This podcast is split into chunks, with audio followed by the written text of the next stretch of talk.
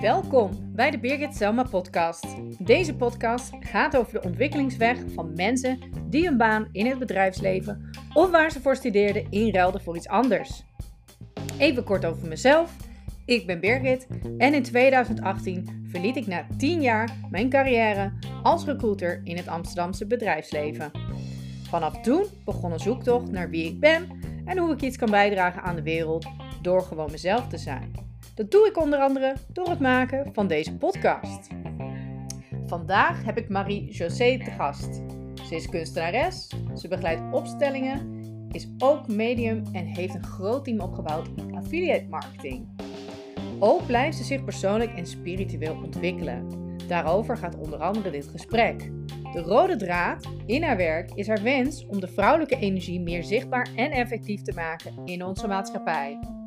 In deze podcast spreken we over hoe zij al op jonge leeftijd ontdekte dat ze niet anders kon dan zichzelf trouw blijven. Ze nam dingen waar die anderen niet zagen. Ze vertelt dat ze wel in het school- en werksysteem probeerde te passen, maar dat het haar gewoon niet lukte. Haar worsteling over niet in het systeem passen zal voor veel mensen wel herkenbaar zijn. Ook weet zij er een bepaalde lichtheid in te brengen. En ze zegt daarover: Ik vond mezelf eerst maar een sukkel en een drop-out. Ik zelf zie Marie-José vooral als iemand die haar eigen pad heeft bewandeld en dat het juist heel goed heeft gewerkt. Ook spreken we nog over hoe ze vijf jaar geleden samen met haar dochter uit de kast kwam met haar mediamieke gaven. Hoe deed ze dat en hoe was dat voor haar? Daarnaast deelt ze mooie inzichten in de podcast voor mensen die nu op een kruispunt staan in het leven en de gebaande paden willen verlaten. Hoe doe je dat terwijl je je toch veilig genoeg voelt om jezelf trouw te blijven? Vind je deze podcast nou leuk of inspirerend? Geef dan alsjeblieft een goede podcastbeoordeling met een korte motivatie in je favoriete podcast app. Je zou me er enorm mee helpen. Dankjewel. We gaan nu over naar het interview met Marie-José.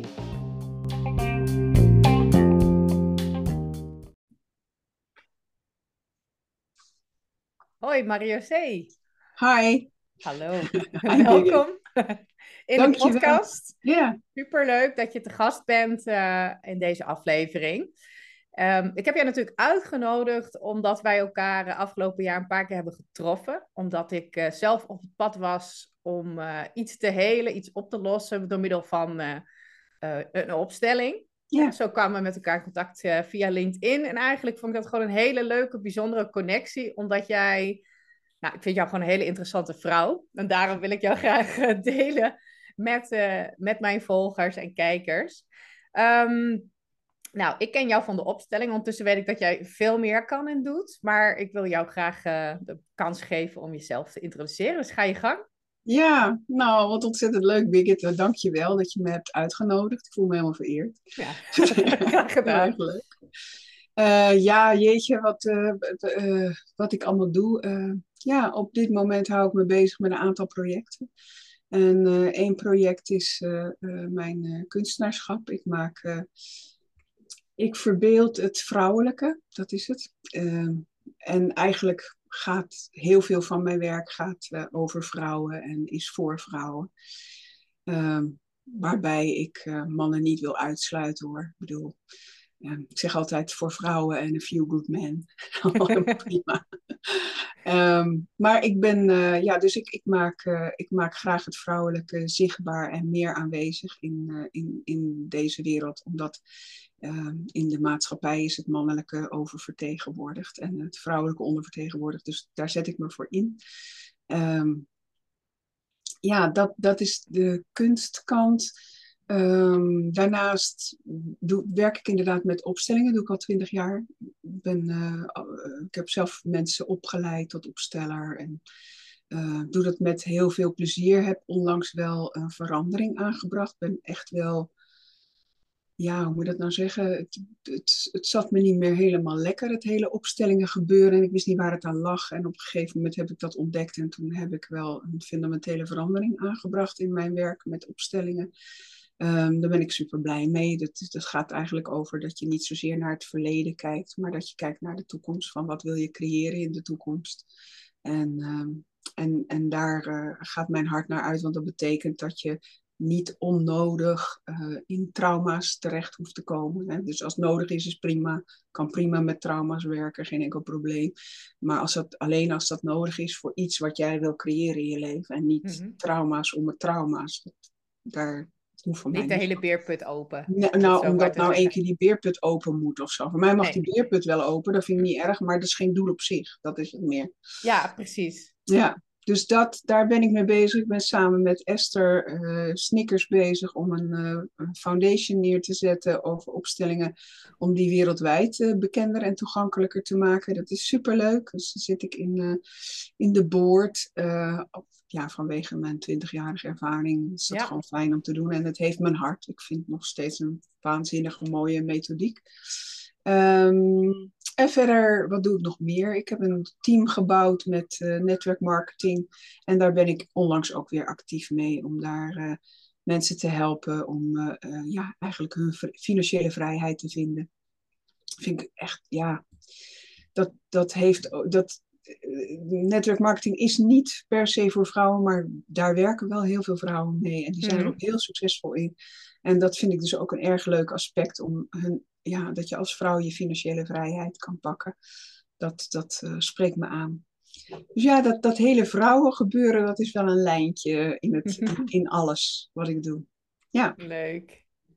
Ja, heel mooi. Ja, ik heb natuurlijk de opstellingen bij jou ervaren. De creatieopstelling heeft fantastisch gewerkt. Ben twee keer geweest, dus bij deze. Ja. Ik stuur ook allemaal mensen naar je door. Dat doe ik niet voor niks. Echt heel leuk.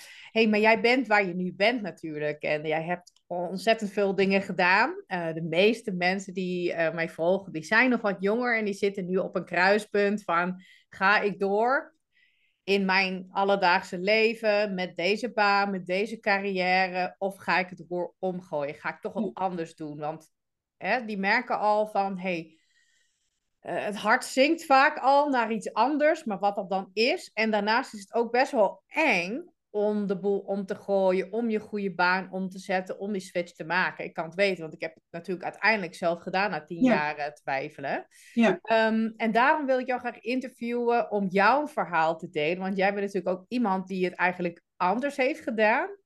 En jij kwam er al wat jonger achter van, hey, ehm, mijn pad is toch wat anders. Het lukt me gewoon niet om gewoon mee te doen zoals de maatschappij het zegt.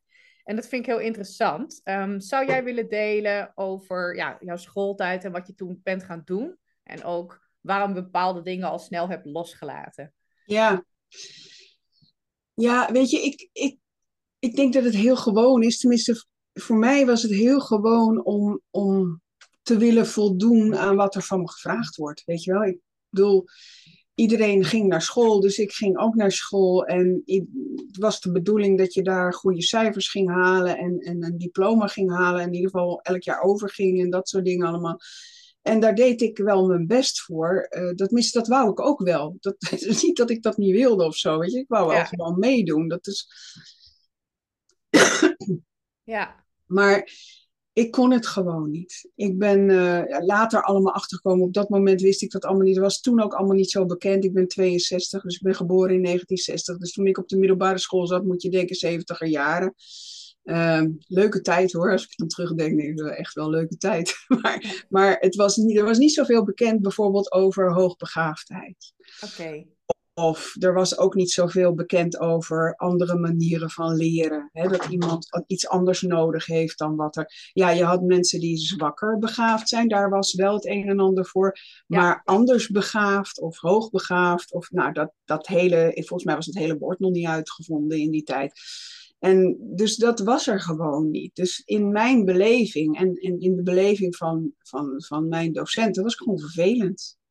En ik deed gewoon niet wat er moest. En ik was afgeleid en ik ging gewoon andere dingen doen. En ik had het onwijs naar mijn zin op school. Ik hou heel erg veel van mensen. Ik vond op school vond ik het echt super leuk. Ik ging allerlei leuke dingen doen. In feestcommissie en in de pauze uh, thee schenken. En ik was meer bij de conciërge dan in de les. Weet je, dat soort dingen. Ja. Ik hield er echt van van de mensen, van het, van het samen zijn, van de dingen die je samen kan doen. Maar het, het de lessen, dat, dat, ja, ik verveelde me de, de flipflap. Dus uh, ik was gewoon heel snel afgeleid. En, uh, en, en ja. als je dan op een gegeven moment, kijk, zolang ik naar school ging, was het wel goed. Want als ik zo'n les gevolgd had, dan kon ik dat ook nog wel weer een keer reproduceren als dat nodig was. Ja. Maar toen ik uiteindelijk het buitenschoolse leven ontdekte en uh, meer buitenschool was dan dat ik in de lessen zat, of in de school, maar dan niet in de lessen, ja, dan gaat het niet meer. Dan red je het gewoon niet meer. Nou. Dus ik niet. Ik kon dat, dat, dat kon ik niet. Maar, uh, dus ik ben begonnen op het gymnasium en, en uh, geëindigd op de HAVO. Wat, wat prima is voor mij. Ik had er helemaal, voor mij zat er niet zo heel veel waarde aan. Weet je, dat maakt misschien ook uit. Ja. Dat, allemaal niet zo, dat, dat hoefde voor mij allemaal niet per se. En ik vond het op school niet goed gaan. En ik, had, ik was idealistisch en nergens verstand van, dat scheelt. Dus ik dacht, nou, dat ga ik beter doen. Mooi, toen ja. ben ik naar de leraaropleiding gegaan. Dus ik wilde toen zelf, ik denk, nou, ik, dat leraren, hoe die dat doen, sorry, ik, eh, ik eh, vind het niks, ik ga het zelf beter doen. Nou, dat kan helemaal niet. Weet je, dat was echt zo van. Ik had totaal niet in de gaten dat al die leraren ook gewoon in een systeem zitten waar ze hun ding moeten doen. En ja, waar, waar, je eigenlijk geen kans hebt om iets anders te doen dan wat er binnen het systeem gevraagd wordt. En daar kwam ik toen achter, dus daar ben ik mee gestopt. Toen dacht ik, echt hoor, ik bedoel, ik had echt helemaal. Uh, aan naïviteit geen gebrek in die tijd. Dus toen dacht ik van, nou, ik weet je wat, ik moet gewoon uh, minister van Onderwijs worden. Want dan kan ik iets veranderen, want het is gewoon niet goed hoe dat gaat op de scholen hier zo. Dus echt gewoon, uh, dus ik ging onderwijskunde studeren. Ik dacht, ja, dan moet ik onderwijskunde studeren. En nou ja, dat dan die politiek dan ook nog moest, dat kwam dan later wel. Nou, dat, is ook allemaal het systeem natuurlijk. Allemaal het systeem. allemaal, je loopt, ik liep overal tegenaan van, nou, dit, dit, het, ik pas hier niet in, het klopt niet voor mij, weet je dat. Dus mhm. Uiteindelijk ben ik uh, naar de kunstacademie gegaan. Dat klinkt een beetje een grote stap, maar dat is niet helemaal zo, want ik deed op de leraaropleiding ook al uh, tekenen en handvaardigheid. Dus ja, het was op zich niet zo'n gekke stap. Nee. En daar, heb ik, daar was ik eigenlijk het meest op mijn plek. Als het gaat over scholen, dan was ik daar het meest op mijn plek. Ja. Daar heb ik ook erg van genoten. En, uh, in Amsterdam zat je, of niet? Ja, ja hè? Ja, ja in Amsterdam ja, dus dat was heel fijn. Die heb ik uiteindelijk niet helemaal afgemaakt, omdat ik toen zwanger werd van mijn oudste. En gelijk daarna van de tweede. En toen, uh, nou, toen ging dat even niet meer. Ben ik later nog wel. Uh, ik ben toen thuis tekenlessen en naailessen gaan geven. En ik ben ook naar de. Ik heb uh, ja, filosofie gestudeerd, nog een paar jaar. Ehm, in die tijd uh, ontdekte ik meer over uh, hoe ik mijn uh, gaven kon gebruiken. Mm-hmm. dat, dat, was er altijd al wel, maar die ben ik toen in mijn studie gaan inzetten. En zo Bij, tijdens filosofie? Tijdens filosofie, okay.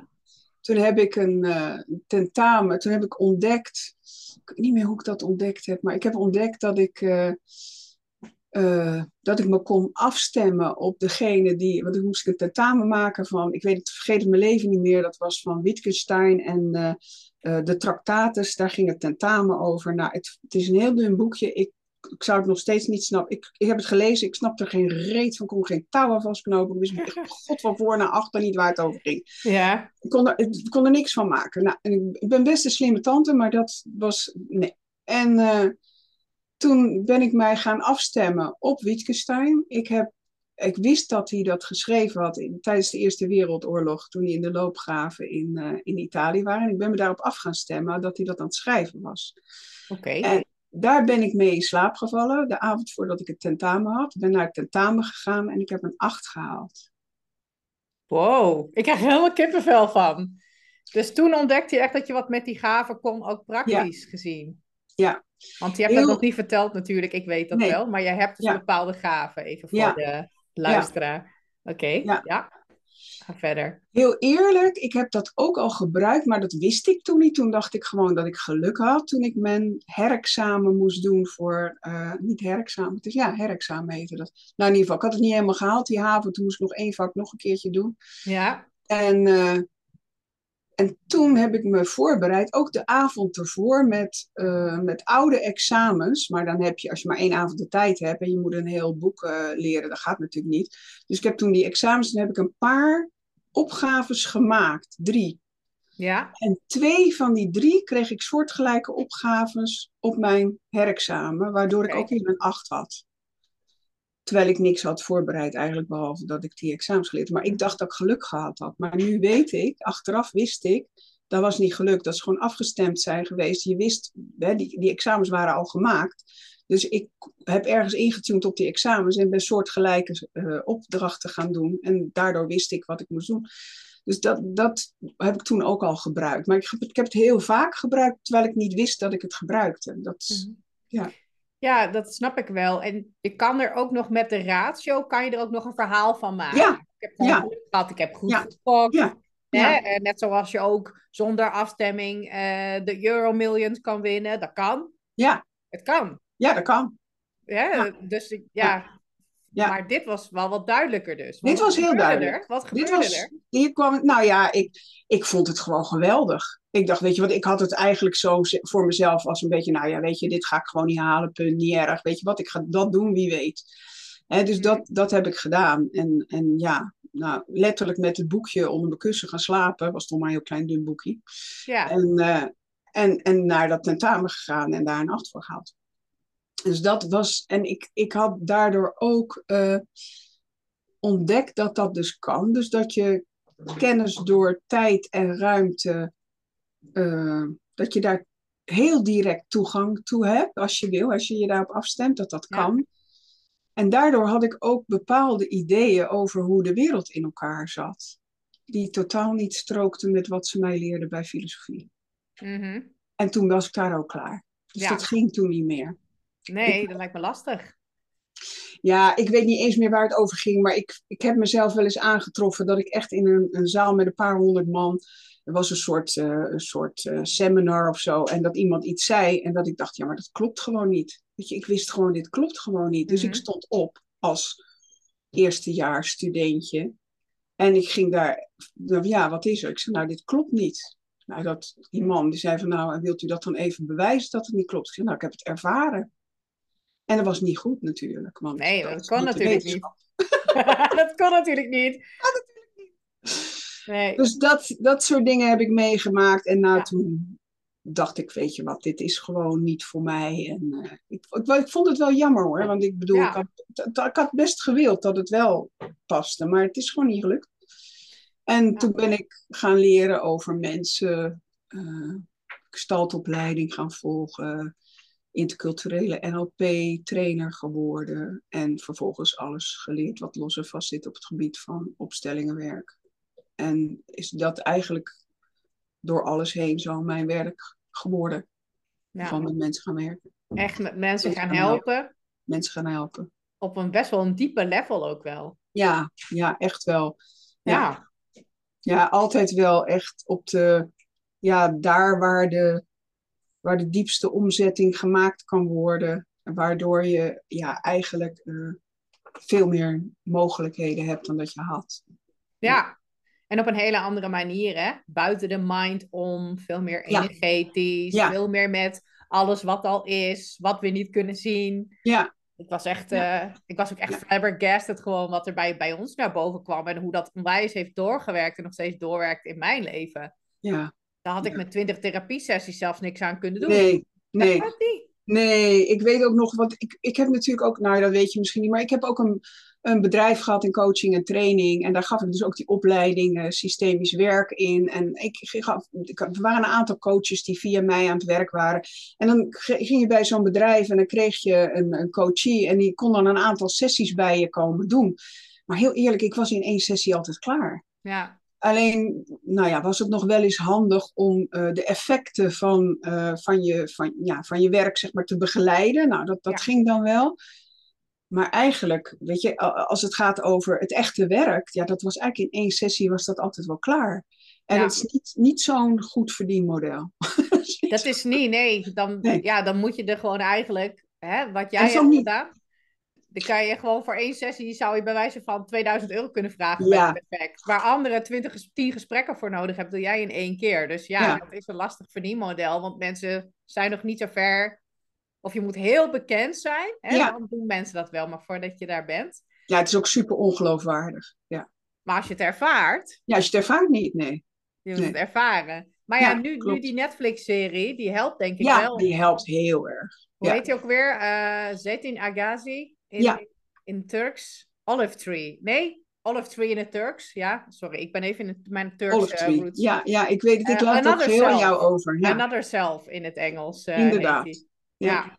Ja. Dus ja, ik kijk, Prachtig ook vaker ook. dingen, ja, ik kijk vaker dingen in het Turks, omdat ik natuurlijk half Turks ben. Ja. dat vond hij ook heel leuk. ja, Maar eh, Ja. ik ben benieuwd. Kijk Ja. uit naar de tweede, ja. tweede deel. Ja, Hey. tweede af, ja, seizoen. Ja, mooi. Ja, hey, nou heb je, mij, heb je eigenlijk ons al een heleboel verteld, hè? eh, hoe jij hebt geprobeerd in het systeem, dat je best wilde, dat je echt wel hebt gestudeerd, maar dat elke keer de soort van waarheid en de dingen die jij kan, dat, dat haalt je gewoon eigenlijk in, hè? Waardoor Ja. jij toch op jouw eigen pad veel Ja. eerder komt en niet Ja. op, het, op het pad van, oké, zo hoort het, kan blijven. Ja, eigenlijk ben ik gewoon de super drop-out. Ja, Alleen, het voelt voor mij, weet je, en dat, zo heb ik het ook vaak eh, lang zelf gezien. Zo van, ja, het ligt aan mij, ik kan het gewoon niet, weet je wel. Heel veel mensen kunnen het wel. Op een gegeven moment heeft een, eh, een coach van mij die zegt van, ja joh, al die mensen die hebben een diploma uithoudingsvermogen. ja, nou, dat deed me wel goed in die tijd. Maar, dus ik, ik dacht zelf dat, het, dat, ik, dat ik gewoon een sukkel was die het niet kon. Ehm, maar daar, zo denk ik er niet meer over. nee. Hoe Nee. denk je nu over jezelf?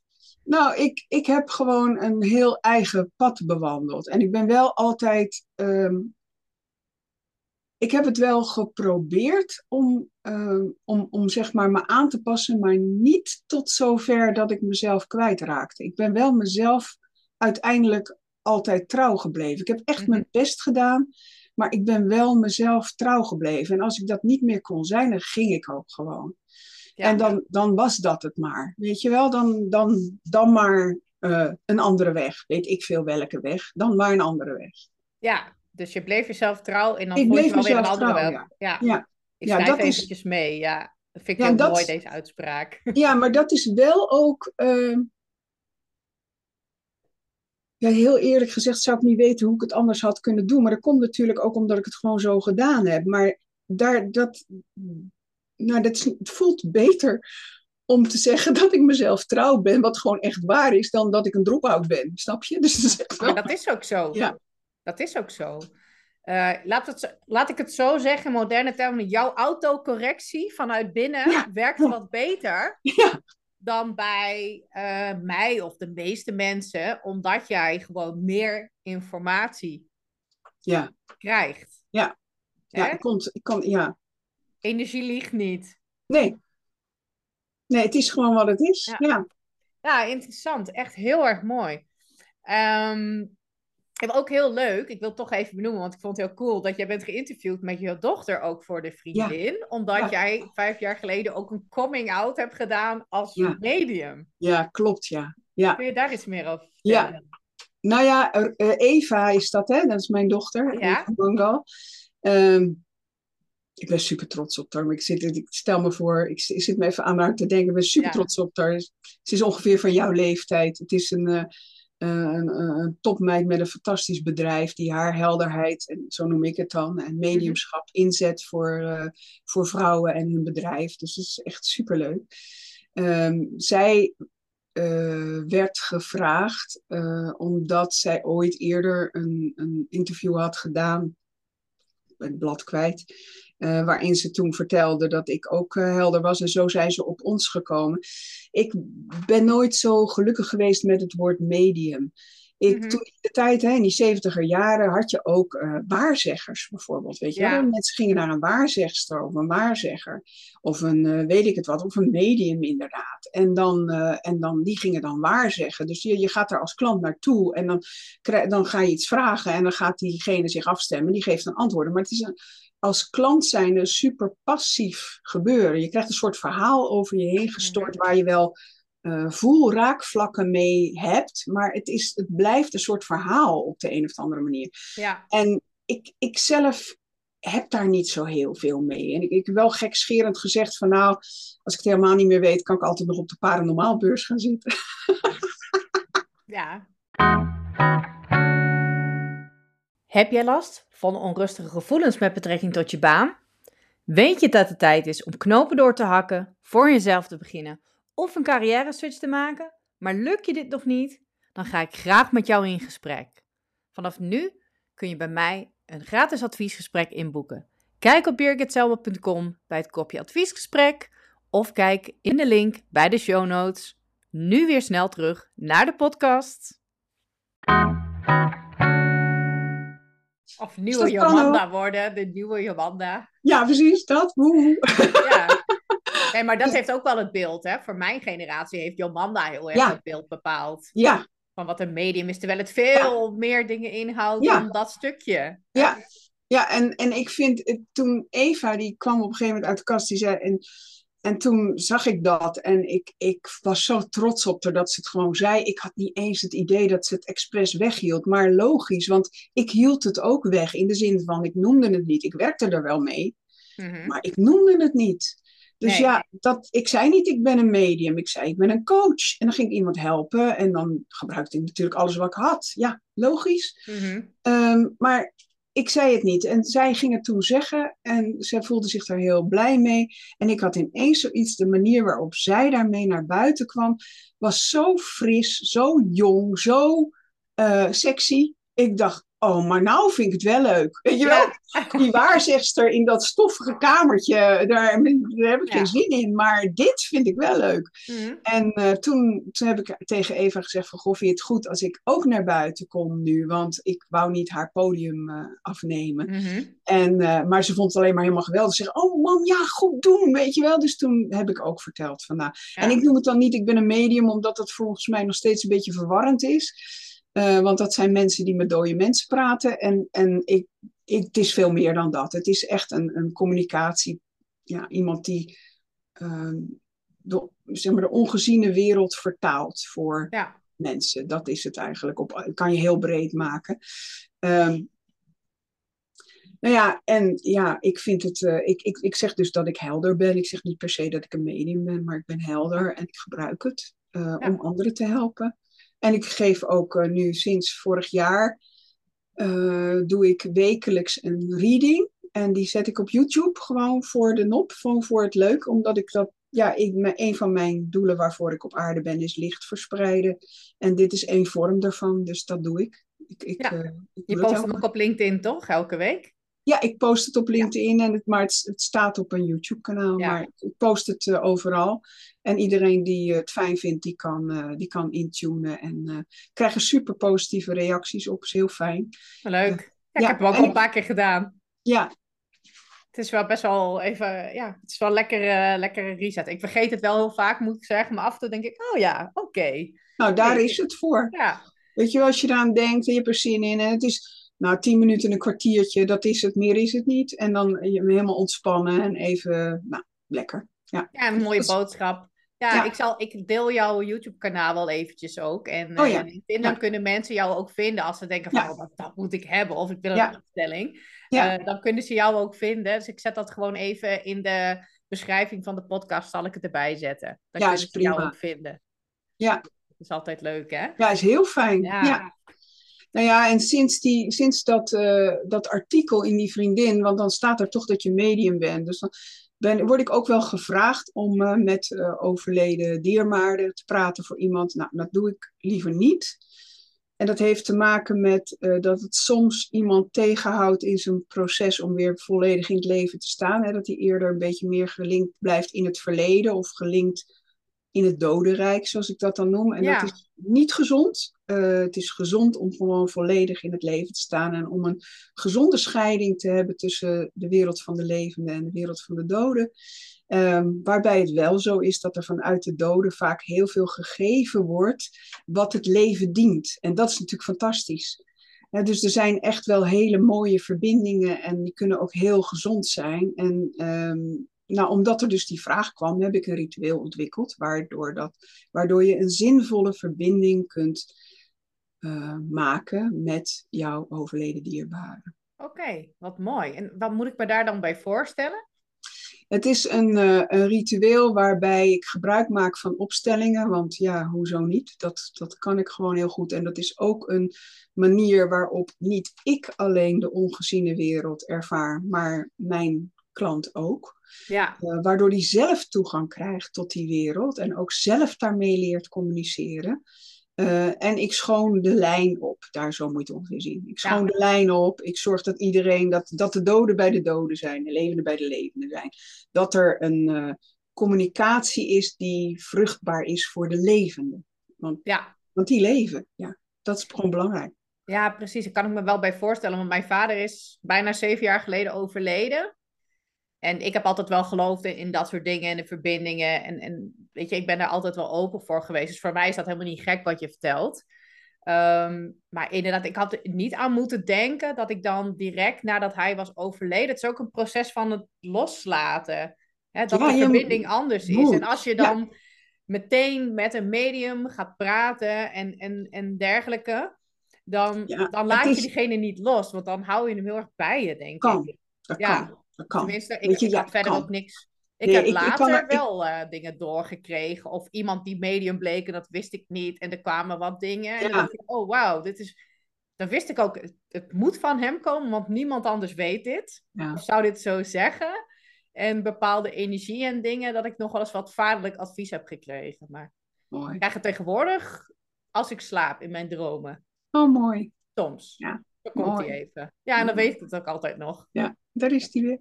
Ja, dan komt hij even. Dat is ook heel mooi. Dus het kan inderdaad, maar wel op een manier dat er wel een scheiding is. Inderdaad. Ja, het is, het, er is ook niet echt een tijd voor te zeggen hoor. Ik, ik, ik, ik, ik, ik let erop, weet je. Ik, Mhm. voor mij is het gewoon, wat voor mij belangrijk is, is dat het leven voedend is. Ja. Dus dat de hele sessie uiteindelijk leven voedend is. Dat is, dat is belangrijk. Mooi. Ja, zo. Ah, je bent echt met van allerlei dingen bezig. Ah joh, hou op. Ik ben net weer helemaal gegrepen door eh, vrouwelijk geld. Wat, Wat, dat is ook interessant. Nou, maar dat zit dus ook in de opstellingenlijn van je vrouwenlijn. Eh, het, wij vrouwen zijn de, zijn, bedoel, het lijkt niet zo, maar wij vrouwen zijn de eh, creators van geld. Geld is vrouwelijk. Geld komt vanuit de vrouwenlijnen en, naar je toe. En, en door Ja. je heen. En, en ik, ik heb helemaal, ik heb een podcast geluisterd. Ik ben helemaal gegrepen. Ik ben helemaal aan het mediteren op mijn baarmoeder. En op Ja. zo waanzinnig bijzonder dat in je baarmoeder.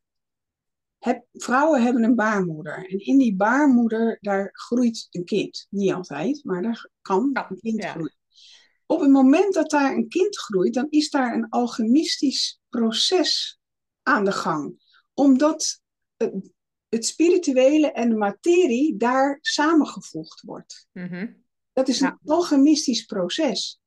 Die baarmoeder, dat is het kwantumveld van creatie. Ja, Heeft daarmee een directe verbinding met de baarmoeder van de moeder aarde en de baarmoeder van de kosmos. Die allemaal velden van kwantumvelden van creatie zijn. Maar wij vrouwen hebben een hele directe toegang in ons eigen lijf. Ik, heb die podcast geluisterd. Ik was helemaal ik heb een vermoeden van wie die is, want ik ken iemand die dat eh, doet. Geweldig, geweldig. En ik dacht, ja jeetje, maar dit is voor mij echt een appeltje-eitje om dit met vrouwen te doen. Dat heb ik, dat bedoel, dat, dat, het is een, een variant op de vrouwenlijn die we altijd al gedaan hebben. super. Super, echt Ja. geweldig. Nou, Ja. zie je, van drop-out naar iemand die echt de meest mooie dingen in de wereld zet en mensen werkt. Het had gewoon niet anders gekund. Nee, had je dit zeker nooit niet. gedaan. Hè? En Nee, dat klopt. als jij niet trouw Klopt. was geweest aan jezelf, Ja. kon jij deze mooie dingen en alle mensen die jij hebt geholpen en nog gaat helpen, niet helpen. Klopt. Dan klopt. was jij ook in het stramien van een leraar die het dingen. dat- dat- nou, volgens mij was jij helemaal. Dood gegaan. Jij was, jij was van binnen gestorven, denk van ik. binnen gestorven, absoluut. jij bent zo, eh, Ja, zo levend. Nee, klopt. Ja, ja dat, dat Ja. kan echt killing zijn. En dat is ook vaak wat ik dan met de mensen die ik coach, maar ook toen ik nog werken als recruiter. En ook wat ik bij mezelf heb ervaren, dat je van binnen langzaam een beetje doodgaat. Je geeft steeds stukjes van jezelf weg. Ja. En de een voelt van, oké, dit is niet goed. En de ander, en de andere keer hè, kan ook gewoon allebei denk je weer van, oh, eh, Nee joh, ik, wat moet ik allemaal? Ik moet gewoon meedoen, niet zo raar, wat een onzin. Ik heb gewoon even geen zin. En zo, zo gaat dat Ja. dan heen en weer. Maar op een Ja. gegeven moment dan merk ik dat steeds meer mensen, ook van mijn leeftijd, net die jongen die bewustwording krijgen. Hè? Als je bewust Ja. van, van, maar dit kan ik niet. Ik wil, ik wil, ik wil leven, ik wil echt leven. Ja. En dat is ook in de vorige podcast met, eh, met David. Dat gaat ook over eh, dat je dus echt weer voelt dat je leeft. En hoe dat dan Ja. komt en, en dat proces. En bij jou Ja. is dat eigenlijk, ja, de autocorrectie kwam wat eerder dan bij de meeste mensen. En dat doe je dus allerlei bijzondere dingen eigenlijk. Ja, klopt, ja. Ja, leuk. Ja, heerlijk. Ja, Heerlijk, ja. maakt de wereld, eh, ja, maakt het weer een stuk interessanter. Hè? Ja, ja, ja. One Ja, size fits all hebben we al genoeg. Leuk. ja. Hey, Marie-José, ehm, wat zou jij nou meegeven aan eh, mijn luisteraar die ja, toch al zit van, ik vind deze baan niet leuk. Ik zit eigenlijk een beetje vast. Ik, ik voel me niet helemaal ja, in het systeem. Hè? Op een gegeven moment krijg ik dat het systeem is. Ik voel me er niet lekker in. Ik zou wat anders willen. Ik heb wat ideeën, maar dat durf ik eigenlijk niet risicovol.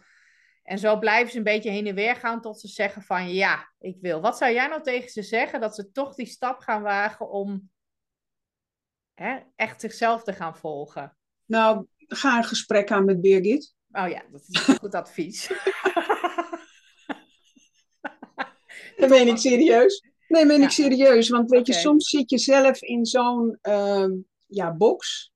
ja, En heb je echt iemand nodig die bij jou in je box stapt en met je meekijkt en ontdekt waar de ramen zitten en waar de deuren zitten. mm, eh, naar wegen waar jij nog gelukkiger eh, zult zijn dan dat je nu bent.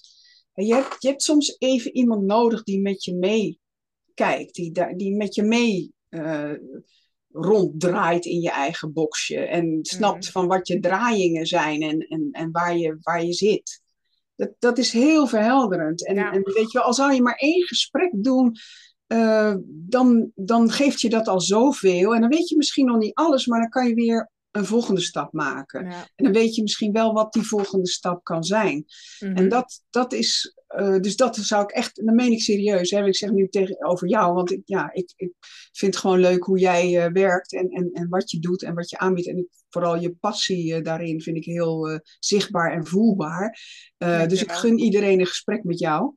Ehm, maar, en verder, ehm, kijk, als, als je al een tijdje op een, op een gebaand pad zit, wat eigenlijk eh, leidt tot eh, lekker salaris, waardoor je een prettig huis en misschien wel een, een leuke relatie, misschien ook wel kindjes.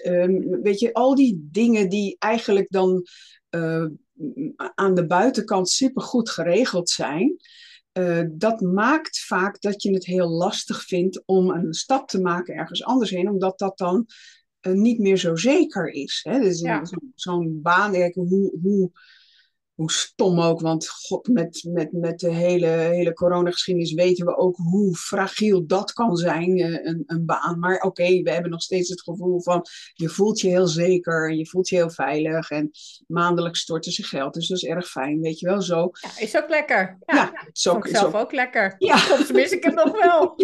Maar ik moest er ook heel veel voor doen. Ja, en je moet er ook heel veel inleveren van mezelf. Ja, Ja.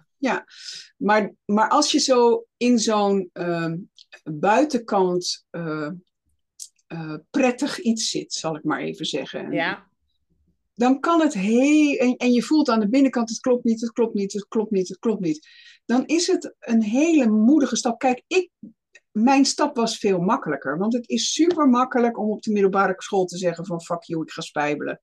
Hè, dan, dan bedoel, ik ging naar huis, ik kreeg te eten, ik had een dak boven mijn hoofd, weet je wel, wat de, wat de, wat de dingen is. Het maakt helemaal niet uit. Maar als je één keer al die dingen opgebouwd hebt, om dan een besluit te nemen van ik ga een andere kant op, dat is een hele andere vraag. Dan wordt er heel iets anders van je gevraagd. Ja. En dan is er ook, hè, als jij, weet je, dan, dan, ja, ik raad je aan om wel stappen te zetten, maar om het zo te doen dat het voor jou nog veilig genoeg is. Kijk, het zal altijd spannend zijn, want je gaat dingen eh, anders doen dan dat je gewend bent, laat ik het zo even zeggen. Ja. Dus dat zal altijd spannend zijn. Maar doe het zo dat je je nog veilig genoeg voelt Ja. om dat te kunnen doen. Ik zeg maar wat, als je voor jezelf wil beginnen, zorg dat je een buffer hebt van twee jaar. Dat als je gewoon twee jaar geen inkomsten hebt, dat je nog wel kan leven. Weet je, Mhm. ik, ik, ik, ik zeg maar even een zijstraat. Maar je Ja, kunt dat heb ik bijvoorbeeld gedaan. bijvoorbeeld. Ja, Ja. maar dat zijn, zijn dingen die dan, dan maak je de stap iets veiliger voor jezelf. Ehm, en eh, vind eh, een coach, begeleider waar je je goed bij voelt. Voel je daar niet meer goed bij, ga naar een ander. Maakt helemaal niet uit. Soms heb je in een bepaalde periode iemand nodig en in een andere periode weer Ja. iemand anders nodig. Maar laat je begeleiden in dat hele traject. He- dat is echt heel fijn. Eh, en zoek gelijkgestemden. Gewoon zoek mensen waar jij, die ook een beetje zo iets wringends hebben van, eh, ja, het is niet meer wat ik dacht dat het was. En ik, nou, ik ga deze stap zetten. Wat ga jij zetten? Je zoek, zoek gewoon kringen van, van mensen waar je, waar, je, waar je dat mee deelt. Waar je, waar je dat gezamenlijk mee kan doen. Je kunt elkaar namelijk ook enorm helpen daarmee. Ja. Dus blijf er niet alleen mee zitten. Dat is eigenlijk zowel coaches als peers. Maar blijf er niet alleen mee zitten. Dat is eigenlijk het belangrijkste. Ja, ja, want dan is het lastig. Dat, Ja. eh, dat is, dankjewel. Ja, goed advies. Ik, ik ben het er helemaal mee eens. Ja. super mooi gezegd. Ehm, ja, dat is ook lastig hoor. Want ik heb me ook heel alleen gevoeld eh, in het begin toen ik daarachter kwam. Ik voelde me echt een alien in mijn Ja. ontzettend zakelijke baan in Amsterdam in de Rembrandtoren. En ondanks dat ik het ergens ook heel leuk vind, voelde ik steeds meer van nee, nee, het gaat... eh, ik kreeg altijd het liedje van Queen in mijn hoofd. I want to break free. Ja, En dat liet me niet meer met rust. En toen heb ik ook heel langzaam die stappen gemaakt. En in het begin kun je dat ook niet zeggen tegen een baas of tegen iedereen, want dan, dan stuit je op veel te veel weerstand en je moet het een beetje stap voor stap doen. Rustig. ja maar goed, je kunt Ja. buiten je werkkring kun je natuurlijk wel contact leggen met mensen. Dat is- Ja, of mensen gaan volgen. Ja. Ik volgde bijvoorbeeld een Esther Jacobs, weet je, Ja, die is genomen, die van alles iets maakt. En Ja. las allemaal boeken en dingen. Maar toen was het nog veel minder bekend, hè. Want wat ik nu doe is eigenlijk, ja, ik ben eerst recruiter geweest en nu doe ik dan dit.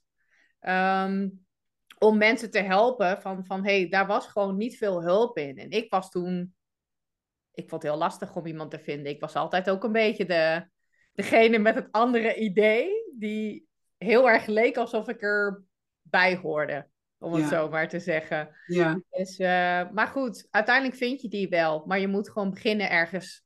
Nou, weet Ja. je, dat is gewoon, dat kan ik gewoon, dat is, dat is gewoon zo. Op het moment dat je de vraag stelt, ik wil iemand vinden die mij hier een stapje verder in kan helpen, Ja.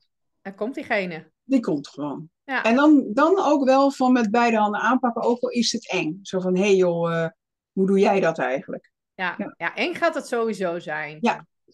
Ja, Eng gaat Ja. het sowieso zijn. Maar goed, weet je, dat, dat geeft je ook wel weer het gevoel dat je leeft. Want toen ik dat ging doen, toen voelde ik ineens een energie en enthousiasme. Zelfs als het even moeilijk is hè, met ondernemen of bepaalde dingen. Ik ben nu net geëmigreerd, maar dan voel ik van... Oké, ik ben nu even heel erg bang. Maar dan voel je ook van, oké, er komt iets moois aan. Er is iets aan het gebeuren. Het is Ja. niet elke dag hetzelfde. En dat is ook heel fijn. ja, dat is heel Dus, fijn. eh, ja. Ja, dus... Je eh, al je creativiteit gebruiken. Ja, Al creativiteit. je vermogens, op je toppen van je vermogens. Nou, dat is ook heerlijk, ja. Ja, zeker. Dat is ook zo. Dus ehm, wil jij nog iets toevoegen aan de podcast, Marie-José? Hmm, wat zal ik eens toevoegen? Even denken. Ja, even denken. Ik doe even voelen, goed? Even tunen, voelen. Even Doe tunen. maar. Doe maar. Nou, ik wil je gewoon, ik wil jou heel erg bedanken voor deze gelegenheid. Ik vond het een superleuk gesprek. Oh, En ik wil eh, alle, alle luisteraars super bedanken voor eh, het luisteren. En, eh, ehm, ja, ik, ik, als, je, als je hier naar luistert, dan is er vast iets in je leven wat je, wat je graag meer ruimte zou willen geven. En ik gun je dat je dat doet. Ik gun je gewoon dat je, dat je jouw eh, genius eh, aan, de, aan de wereld geeft. mooi. Dankjewel. Jouw genius aan de wereld geven. Prachtig. Ja. Ja. Dankjewel Marie-José dat je er was. Ik heb echt genoten van het gesprek. En eh, ja, dat was het dan. Dankjewel. Oké.